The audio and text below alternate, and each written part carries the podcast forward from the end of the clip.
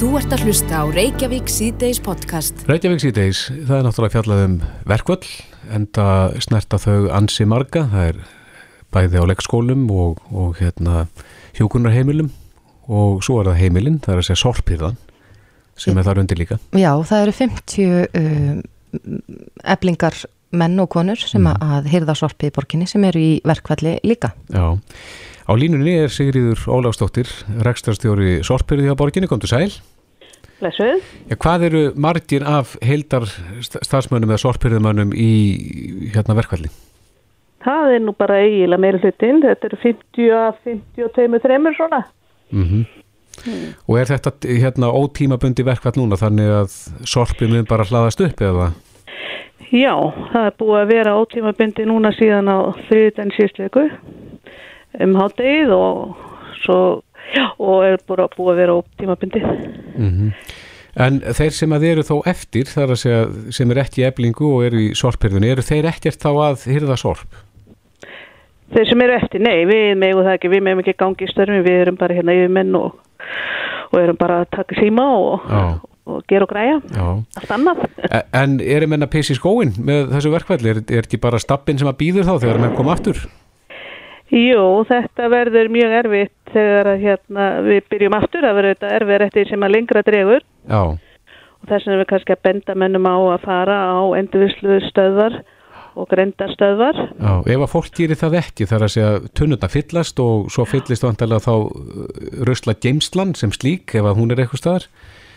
Hvað, hvað gerir síðan ykkar fólk þegar að verkvalli líkur og það þarf að byrja að fjarlæga sorp?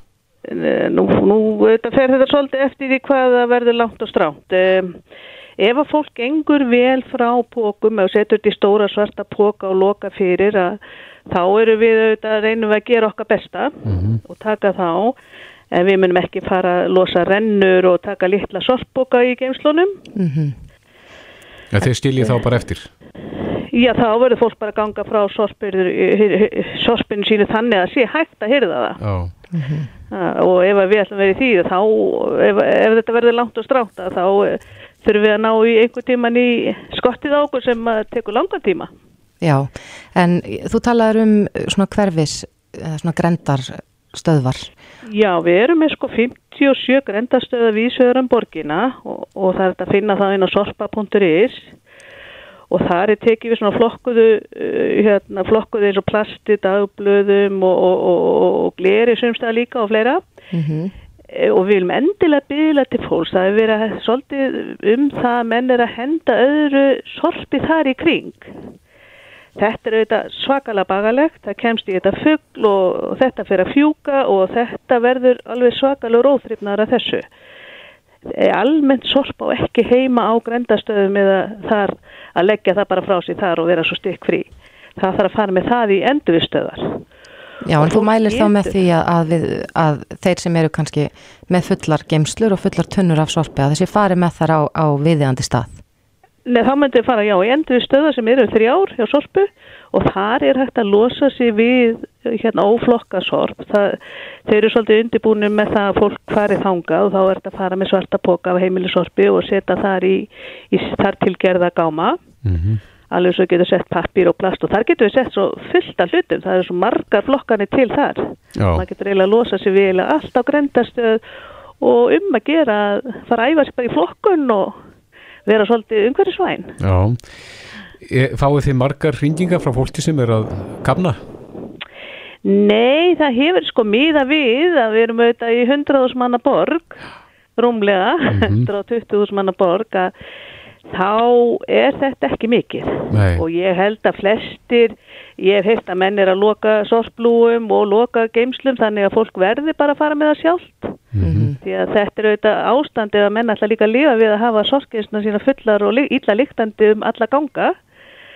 Að þá eru menn svolítið að pissi skóið sér líka. Að segja, maður vil kannski ekki hafa það þannig heima hjá sér. Nei, og það kannski þegar að fer að slá svolítið í mataleifarnar og Já. lyktin fer að gjós upp sem að kannski þrýstingurinn vex. Þá kannski fyrir fólk svona að vakna til vitundar um að það sé eitthvað ástand. Já, Það er svona tekur alltaf tíma hjá okkur að bæða komast í þetta ástand og komast úr því eftir sem lengra dregur. já. En eh, þegar að leysist úr verkvallinu þá, þá eins og við segjum að þá býður stappin, þá býður hérna stabbinn. mjög stórt verkefni sorpirðu fólks. Já, og mun, ta við, mun taka tíma að vinda ofan að því. Já, ver- verðið ekki með aukin mannskap eða farið fleiri ferðir eða, E, sko, við getum auðvitað lagt svo, svo mikið ástafsfólk, við munum auðvitað bæta við eitthvað tíma og vinna lögata en við þurfum nú að gefa mönnum kannski eitt frítag í viku, það er nú bara svona vinnuvendar mál mm og við grípum kannski ekki fólk upp á göttunni e, óvand, þetta þarf líka að þjálfast upp í þessu hvað eru tunnut og annað. Getur tafið fyrir líka, það eru alls konar vandamál.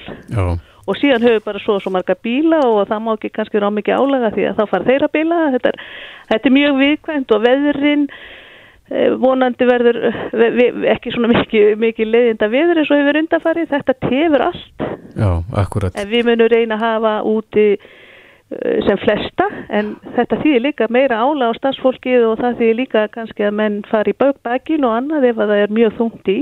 Já, að við getum ekki farið að láta að vinna og vinna og vinna. Þetta, þetta er svona allt uh, felli hvort annað. Já, þannig óttin er kannski að, að mjög langt og langdrei verkvall komið þá í bakið á sorpirðu fólkin. bara í orðsins fylstu Já, akkurat. ef það verður mikið magn. Já, en Sigriður bara kæra þakki fyrir þetta. Uh, þú ert rekstrastjóru Sorpiri á Reykjavíkuborg við fylgjumst náu með þessu og vonum Já. að við förum ekki að finna russlafnik yfir borgina já, vonandi fer þetta að leysast Kæra þakkir Já. takk, takk, bless Þetta er Reykjavík C-Days podcast.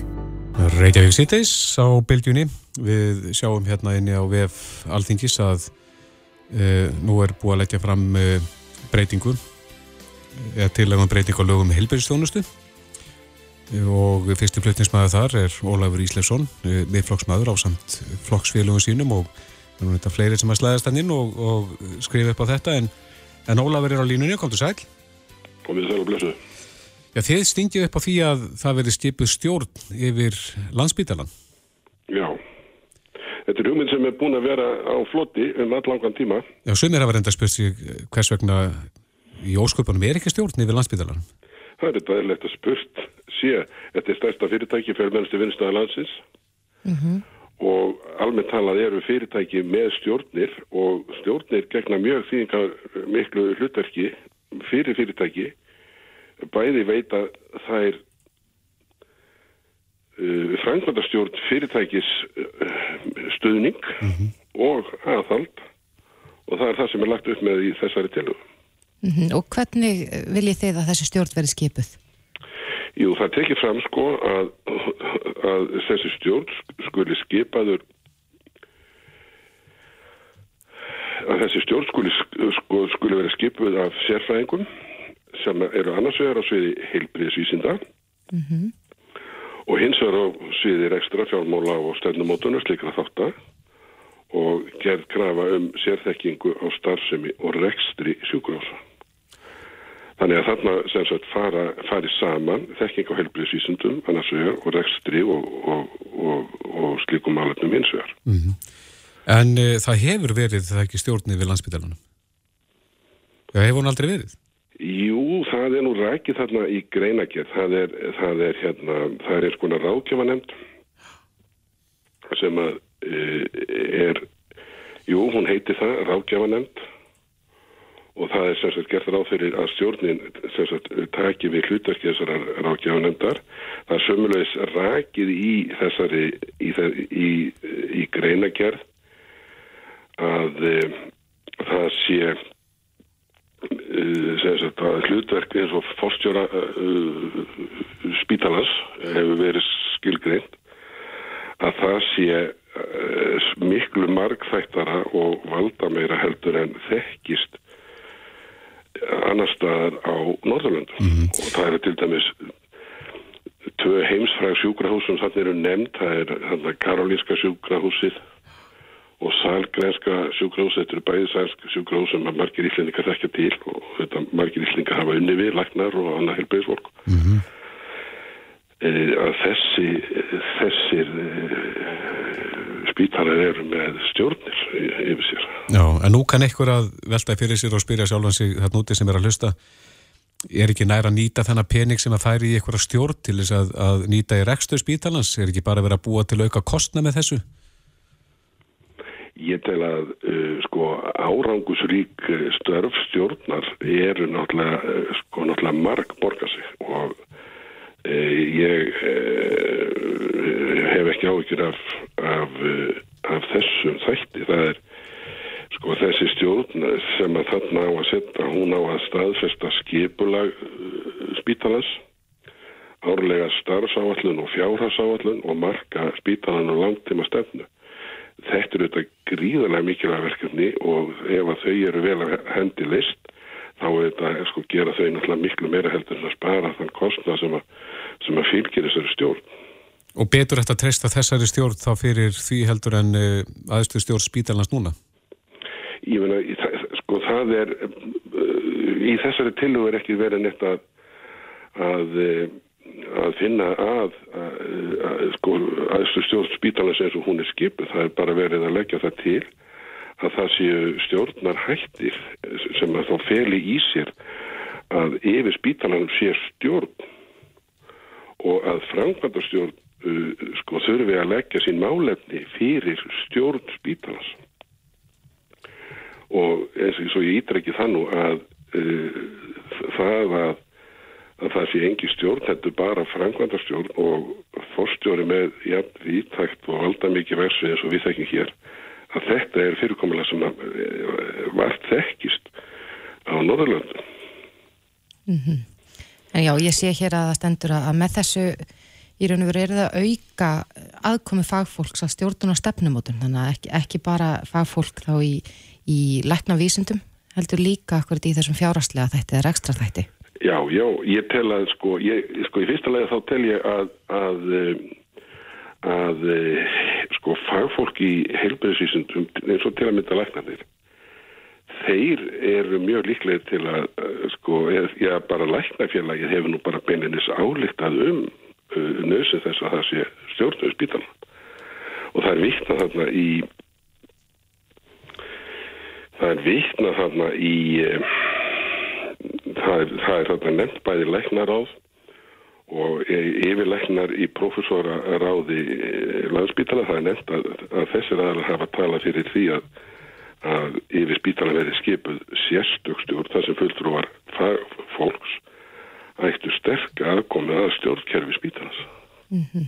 ég, eins og ég sagði upp að sko, þessi hugmyndi við leiðið láttinu hún eiginlega hún eiginlega að sumuleiti talar fyrir sig sjálf að því leitinu til að, að þetta er hinn almenni háttur sem er hafður á við rekstur og stjórnun og fyrirtækjum að það sé stjórn þarna er gert ráð fyrir stjórna sem er að gera mjög mikla gröfur mjög mikla gröfur til stjórnamanna um sérþekkingu annars vegar á helbriðsvísundum og hins vegar á, á hinnum rekstralegu þáttum mm -hmm. þannig að þarna er því úrvalslið og þetta myndir náttúrulega styrkja eh, leiði ég með að segja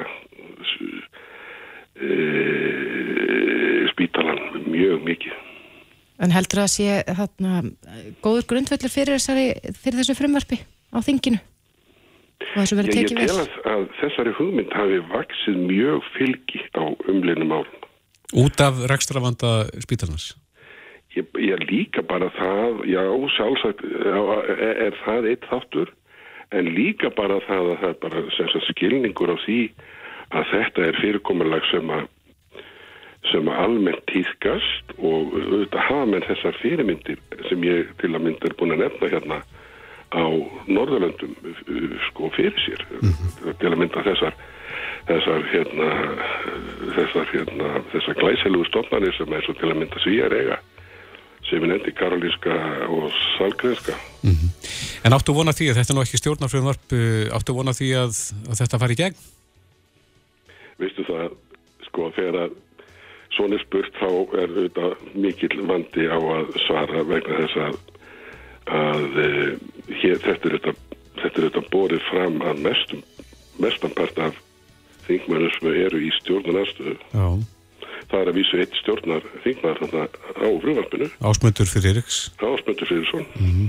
mjög ánæg með að fá hans stöðnis að fá hans stöðning við frumvarpi en þannig að það þetta verður bara að ráðast. Ég menna það hafa ímsir uh, tekið undir þessa hugmynd almennt um stjórn. Þannig bara ekki landsvíðinni heyrði helbriðs á þeirra uh, fara um það ég heyrði ekki betur en að hún hefði jákvæð orði í, í, skoðstu, í, þá, í þá átt. Já, akkurat.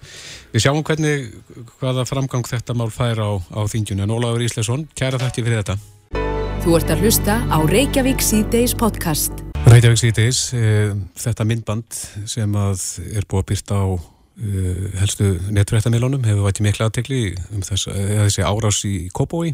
Já, og annað myndband líka sem hefur vakið aðtekli undanvartanda af, af þessum unga drengi í Ástralju. Já, sem að hefur farið eins og eldur í sinu um netið Mm og e, þessi ungi fatlaði drengur, nýja ára gamall e, í Ástralju, semst móðir hans, tók myndband af síni sinum þegar hann var nýkomin inn í bíl. En e, mamman og, og sýsti drengsins urðu vitni e, að einelti og, og þetta er bara hérna, þingin að tárum tekur að, að horfa á þetta. Akkurat. hvað þá fyrir þennan litla dreng að upplifa þetta en, en það eru fleiri í hans spórum viða um veröld og ekki síst hér á Íslandi. Já, einelti er allstaðar inn á vinnustöðum og í skólum og þetta er alveg ferlegt og það er bara spurning hvernig eða hvort hægt sé að gera eitthvað. Já. Á línunni er Margrit Pála Ólafsdóttir, höfundu hjallastefnunar og frumkvöðl í uppeldis og uh, mentamálum. Uh, sæl Margrit Pála. Já, komið þið blessuð og sæl. Já, þú þekkir þessi mál og, og hefur reyndar þurft að kljásta þess við þau í þínu starfi. Hammingjan sanna, þetta er þessi ljóti blettur. Ég segja á, á Vesturlöndum því að, því að þekking mín nær nú ekki, nær nú ekki víðar en það. En einesti þetta er einhver ljótasi bletturinn á þjáningar sögu heimsins af því þetta er svo mikill óþarfi. Þetta er svo mikill óþarfi. Næg er þjáningin samt. Já. En uh, tókst þú á þessu í hjallastefnunni? Þetta er eitt af þessum málum sem að, sem að já, snefa, snerta okkur skólafólk að allalega hjarta rótum. Og ég segi fyrir mig að, að þetta myndbandi gæti ekki sinna hort á það. Ég las umfjöllunina en, en það er bara of, of sátt að horfa á hvernig hlutinni geta farið og það sem að var kannski má segja mitt markmið með tíluðhjallastefnunar það var að leggja alla áherslu á að byggja upp samfélag með góðum samskiptum, með jákvæðinni, með heiðarleika og stöðugu, stöðugur í aðgæslu þegar kemur að samskiptum. Þetta er svo ofubóðslega viðkvæmt.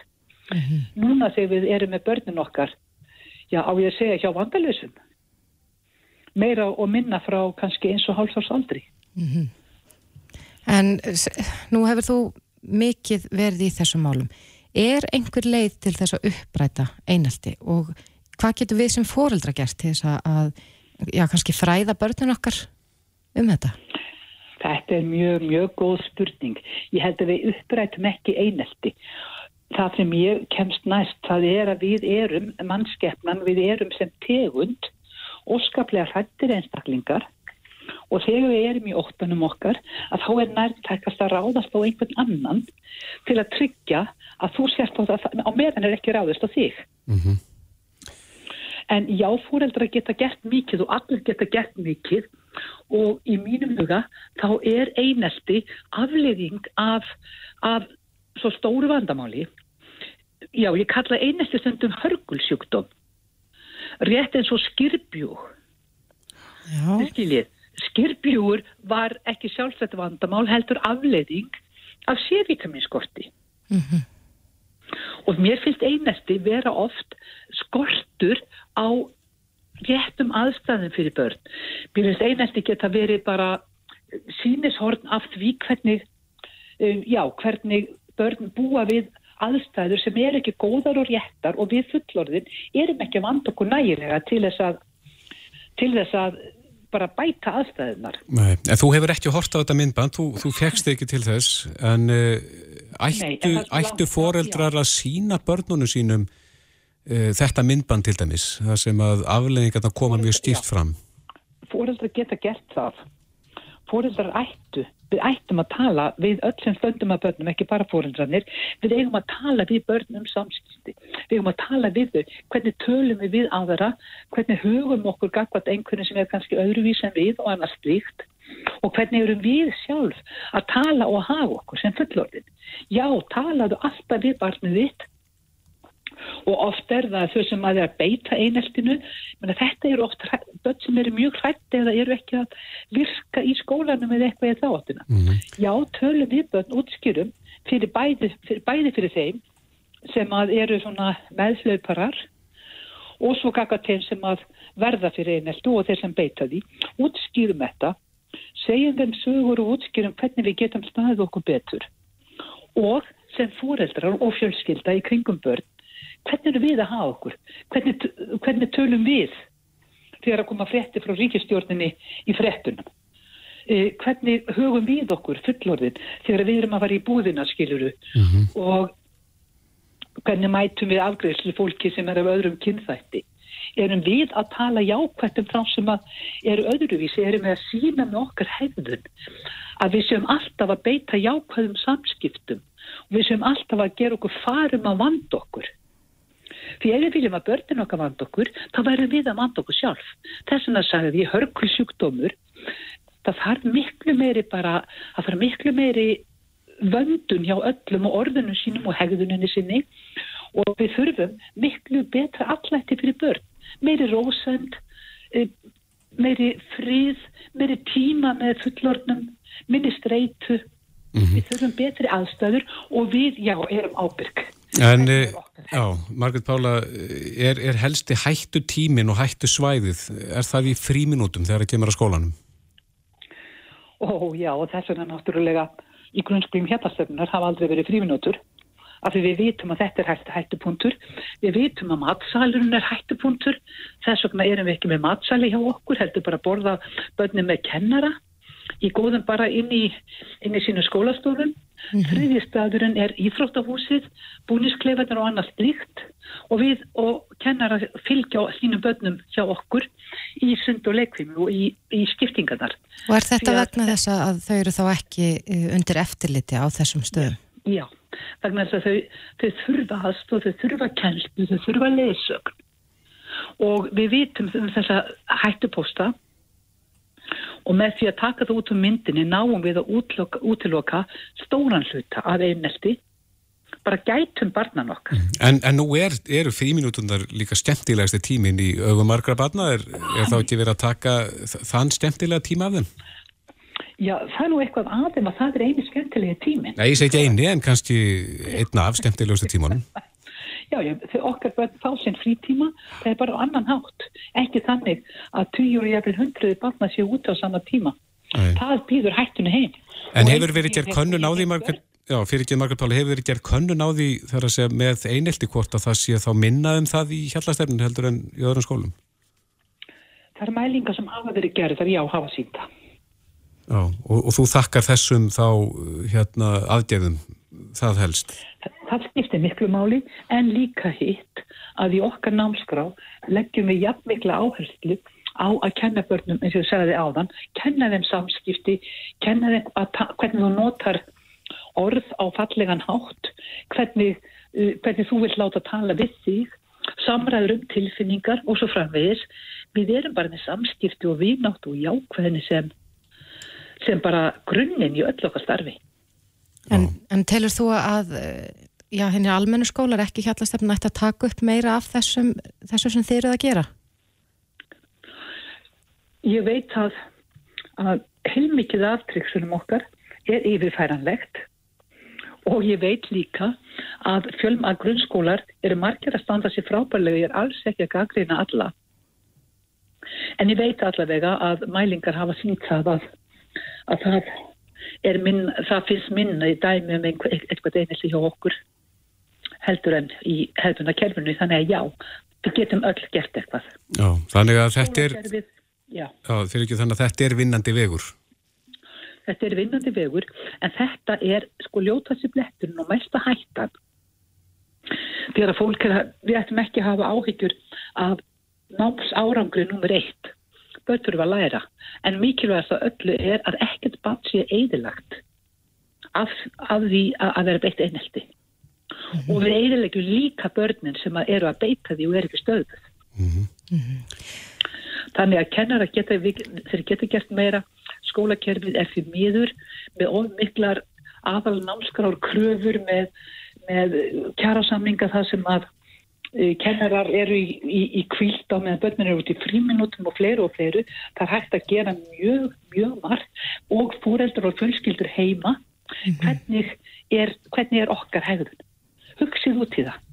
Hvernig tölum við þannig að bann heyri til til við sjáum fréttir af, af, nýja, af, af nýjusta, nýjusta fjárlega fremvarpunni. Já, Margaret Pála, þetta eru bara uh, góð heilræði inn í helgina. Margaret Pála Ólafsdóttir, frumkvöld í uppeldis og mentamálum. Kæra þakki fyrir okkur. Takk ykkur fyrir spjallu og vonandi gengur okkur vel. Takk. Takk. Reykjavík síðdeis á Bilginni podcast. Það er Reykjavík síðdeis. Við ætlum núna að fara að fjalla um uh, já, nýtt form af tjáningu, mætti segja. Já, já, svona færist í vöxt, Já, gruna mig. en Þa- þetta eru tjáknin Já. eða emojis sem að eru allsræðandi í textaskilabóðum og á Messenger og hvað sem að svo sem á samskipti við fólkið sitt. Einmitt. Og ég held að þetta sé færast í vöxt að, að fólk noti þetta og, og tjái kannski tilfinningar sínar og e, svo er spurning hvort að fólk sé að fara kannski í vist ríkið eitthvað staðar, e, sé að nota óviðegandi eh, tákn eða tjákn. Já, kannski samskipti við vinnufélag eða Já, annað stíkt. Já, já. En hingað til okkar er komin hún Ásaninna Pétursdóttir sem er umsjónamaður makamála á vísi. Mm. -hmm. Koti sæl. Sæl, blessið. Jæja, hvernig er þetta? Er þetta ekki að færast í vöxt? Herri, jú, ég ætla hérna, ég minnast á eitt sem þú sagðir áðan, Mhm. þegar þú varst að kynna mig. Þú sagðir að ég væri hérna sérfróð í þessum málum. Já. Kannski áður en við byrjum, en þá hef ég enga svona sérfræði þekkingu, en það er aftur á móti til fólk sem hefur sérfræði þekkingu í þessu nýja tjáningar tæki. Jáhá.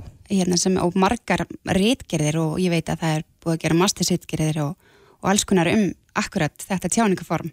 Já, en þú ert að minnsta kosti reynslu mikil. Já, eh, ég, ég tók þetta aðeins, ég fór aðeins að hérna, pæla í þessu þegar að, hérna, ég var einhlipp 35 ára gömul og hérna, þá fóð maður svona svolítið að eiga mér samskipti á netinu og þá sagt, komst ég bara að því hvað, hvað við erum rosalega misjöfn og hvað þetta er rosalega vegur rosalega mikið í samskiptum milli fólks, sérstaklega á stefnum mótumarkanum til dæmis og það sem ég tók rosalega stert eftir er að þetta er ekkert endilega típumunur af fólki, heldur er þetta rosalega mikil kynnslóðamunur á því hvernig við notum þessi tákn eða emojis. Hvernig þá?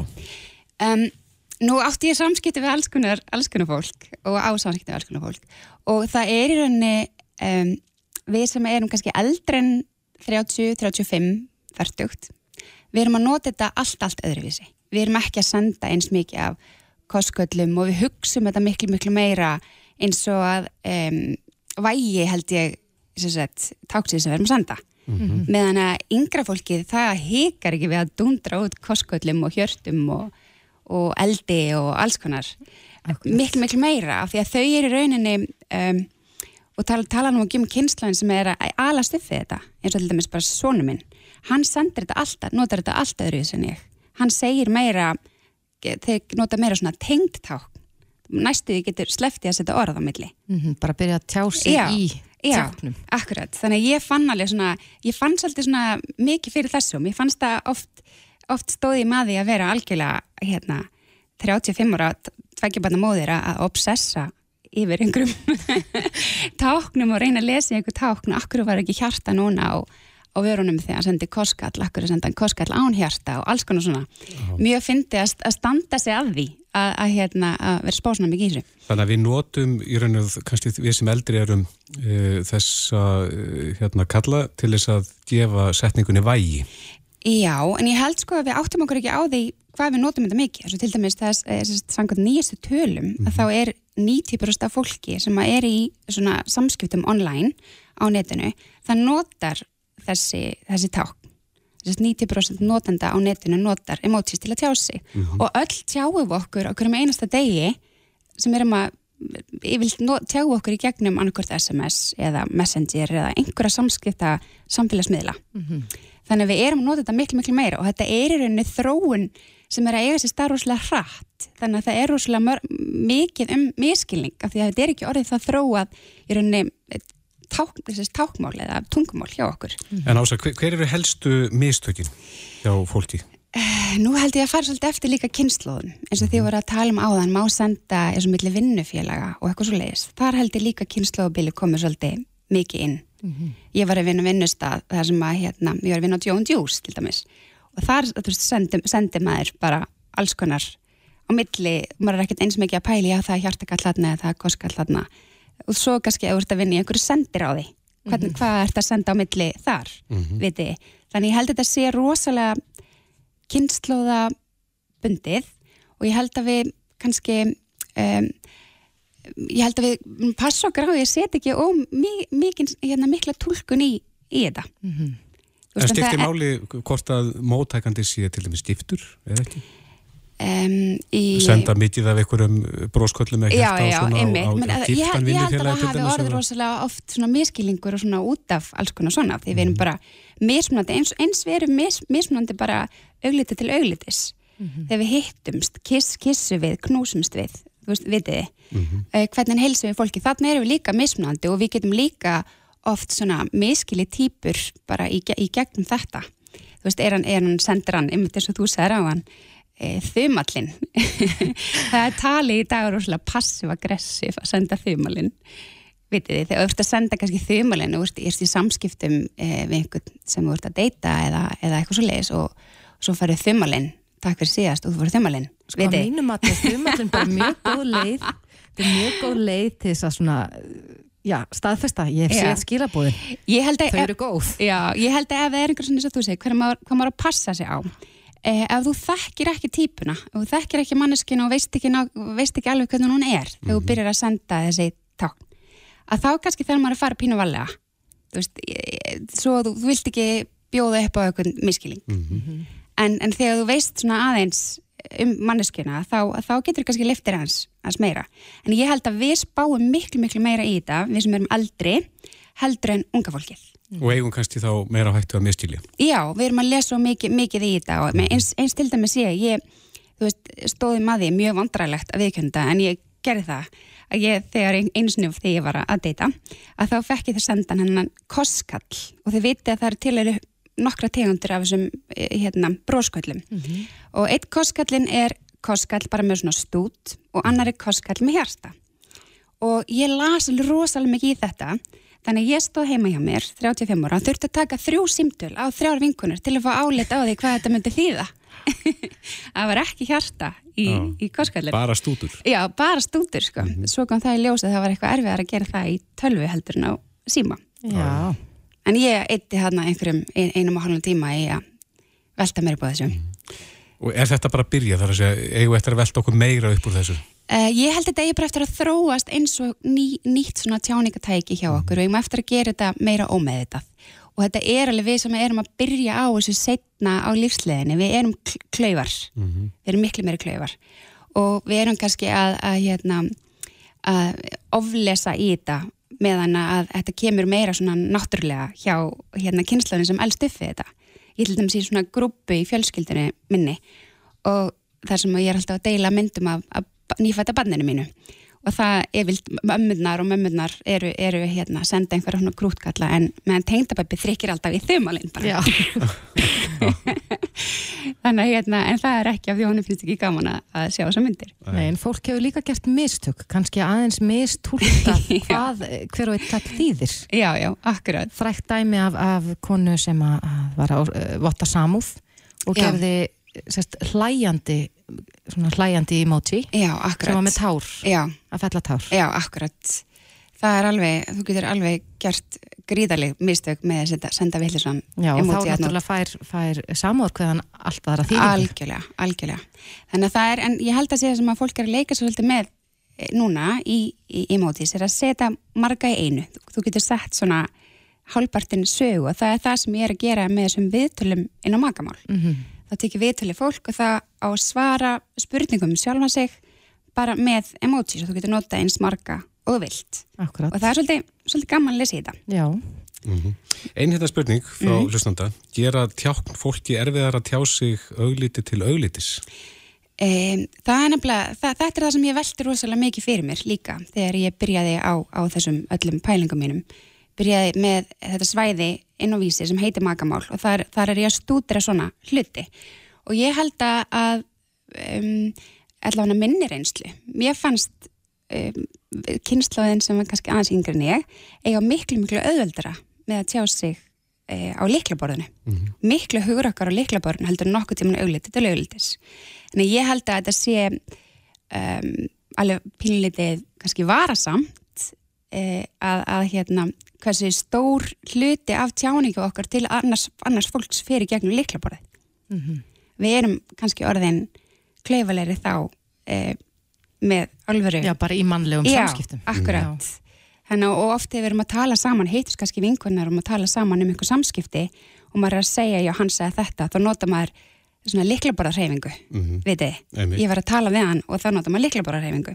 Þannig að rosalega stór hluti samskipt okkar bæði við fjölskyttum meðlemi og e, bara í deytheimunum og við, við maga eru gegnum þessar svo kalliði takk, tjá. Mm -hmm. Já. Ásanina Pétursdóttir um sjónum að makamála takk fyrir spjallið. Væri óviðjandi en ég núna að segja takk fyrir spjallið og, og, og svo... Fruma Korskalli? Já. Nei, nei, nei, endilega bara. Já, takk fyrir.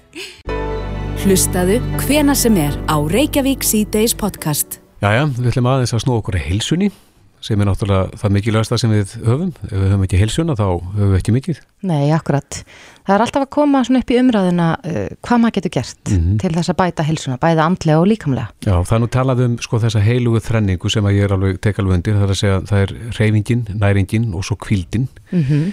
En uh, við ætlum að ræða kannski fjórðarlutin Já, sem, að, sem að ég var allavega heyrt að, að gæti jafnvel toppað þrenninguna, mm. efst í píramítanum en það er öndun, en á línunni er Raffn Franklin Johnson, hann er þjálfari og heilsuræðgjafi, sællertu Góðan dag Hvað segir þú um öndunina? Hversu mikilvæg er öndunin þegar það kemur að góðri heilsu? Það er svolítið magnað að hugsa út í það út af því að einhvern veginn, þegar maður segir öndun að þá hugsa allir bara handallir, hvað getur verið svona sérstaklega við öndunna en það er bara svo magnað hvaða eru marga leiðir til að nota öndununa til að hafa áhrif á hilsuna mm -hmm. og, og þá er henni taugakerfið okkar og hérna þannig að hún er alveg reysastór þáttur í þegar kemur hilsu, alveg klárlega Og hvað er það svona hjá svona heilum almenna manni er, telur þú að öndun sé ekki, ekki nógu góð? Sko það sem ég hef verið að sé og, og hérna, hef verið að lesa um að sé algengt hjá fólki er að sko, nummer eitt að við erum með rosalega grunnaundun mm -hmm. og þá bara þegar streyta byrjar að koma fram að þá oft byrjar öndunum að færast svona upp í e, bringuna í staðin fyrir að koma meira frá þindinni og það getur náttúrulega búið til alls konar vandamál út af fyrir sig en svo erum við líka að sjá að fólk sé að anda of mikið með munninum í, í stað þess að anda með nefnu mm -hmm. og það er síðan annars svona hengur á þessu máli út af því að við erum í rauninu hönnu til að anda með nefnu meiri hlutan á tímanum og, og það skapast alls konar vandamál þegar við förum að anda með munnunum mm -hmm. Bara við eigum að anda freka með nefnu og borða með munnunum Já, akkurat. Alveg eins og við borðum ekki með nefnu Akkurat og, hérna, og auðvitað er eðlilegt að anda með munnunum á og til ef við erum undir hérna, miklu álægi eða einhverjum átökum eða eitthvað sluðis mm -hmm. en, en e, þegar við erum bara í dælugum átöknum eða í lettum gungutúr eða hvað er að það ættu að vera að anda með nefnu og kannski temja okkur að, að vera meðvitið um að reyna að hæja örlítið á öndunni. Öndun og hratt. Margir sem er, ég menna nú lifum við náttúrulega bara í samfélagi sem er á svo hraðara tempói heldur en kannski bara okkur rætlað og þá byrjar að koma þetta stress fram og með stressuna þá byrjar að koma hraðaröndun og grinnröndun og allt þetta. Mm -hmm. Þannig að að stoppa eins og hægja önduninni, andi gegnum nefið og, og, hérna, og allt þetta þetta getur spila alveg gríðan stórt hlutverk sem svona grunnurinn að góður öndun. Já, en eigum við þá hrafnað að uh, anda djúft, anda frá okkur og, og býða þess með að anda að okkur aftur eða hvernig getur við hægt á önduninni? það er mjög góð spurning. Það er nefnilega magnað að innöndun helst í hendur við aukin hérslott. Þannig að í rauninni þegar þú andar inn ertu svolítið að keira upp tögakerfið. Uh, útöndun að það er akkurat anstæðan. Þá ert að hægja á hérslættinum og þá ert að koma þér meira í slökunar ástand. Þannig að, reyna að hafa útöndunna lengri heldur en innöndunna hjálpar okkur að róa kerfið niður og koma okkur í svona meira slökunar ástand og, og hjálpar okkur rauninni bara að hægja andadrættinu meira og, og líða betur. Mhm. En þú hefur talað um, þú ert með podcast sem heitir 360 gráður hilsa þar sem ég heyrði nú kannski fyrst um þessa pælingar en eh, fyrir fólk sem er kannski að glýma við streitu eða kvíða eða þunglindi annars slíkt með hverju mæliru vilt að fólk það hvort að, að sé að anda rétt? Algjörlega sko, ég meina fyrir fólk sem er að díla við, við kvíða og mikla streitu og svona þá er öndun brjálæðislega um, hérna, skilvirt tól. Og ég myndi klála að kíkja eða svona reyna að kafa eins ofan í öndunna og, og spá eins í því en sem ég reyni bara svona grunnskref fyrir þetta fólk eins og aðra eru þessi atriði sem ég var að nefna að byrja að anda með nefinu og byrja að reyna að hæja á andadrættinum lengja útöndunna og Anda djúft í kviðin já, anda djúft út í kviðin, ekki fáðist í bringuna og, og eins og ég segi líka bara auka meðvitunduna í kringum öndun. Ef þú ferð í göngutúr að, að hugsa þess meir um andadráttinn og hvernig er hann núna? Er hann rosalega grunnur? Er hann að, að ná hann að stýpra? Og, og eins og þetta sem vorum að nefna, út í kviðin, ekki upp í bringuna og nefndun og allt þetta. Hvað eigum að stefna þér hrafna að anda oft á mínútu? Um, rosalega gott væri svona 6-10 andadrættur á mínútur. Já. Væri, er- væri sjaldnar betra? Ég veit nú ekki með sjálfnar en ég held að menn sé ekkert að fara mikið undir 6 andadrættur á mínútur. Nei. en, en, hérna, en einhvers því byrju, það er rosalega flott Mhm. og, og um að gera fyrir fólk að, að hérna, setja skeiklukkun í gang og aðtuga bara hversu, hversu ofta er anda mínútu. Mhm. Ég held að sé algengar að fólk sé nær 20, eitthvað svoleiðis. Já, akkurat. Þetta er fínt við næst, næst inn í helgina og uh, um að gera fyrir fólk að prófa þetta bara um helgina þegar það hefur tíma fyrir sér. Koma sér að staðið þetta. Algjörlega. Rafn Franklín, þjálfari og heilsur átjafi, kæra þakki fyrir þetta og góða helgi. Já, bara takk sem leðis. Þetta er Reykjavík C-Days podcast.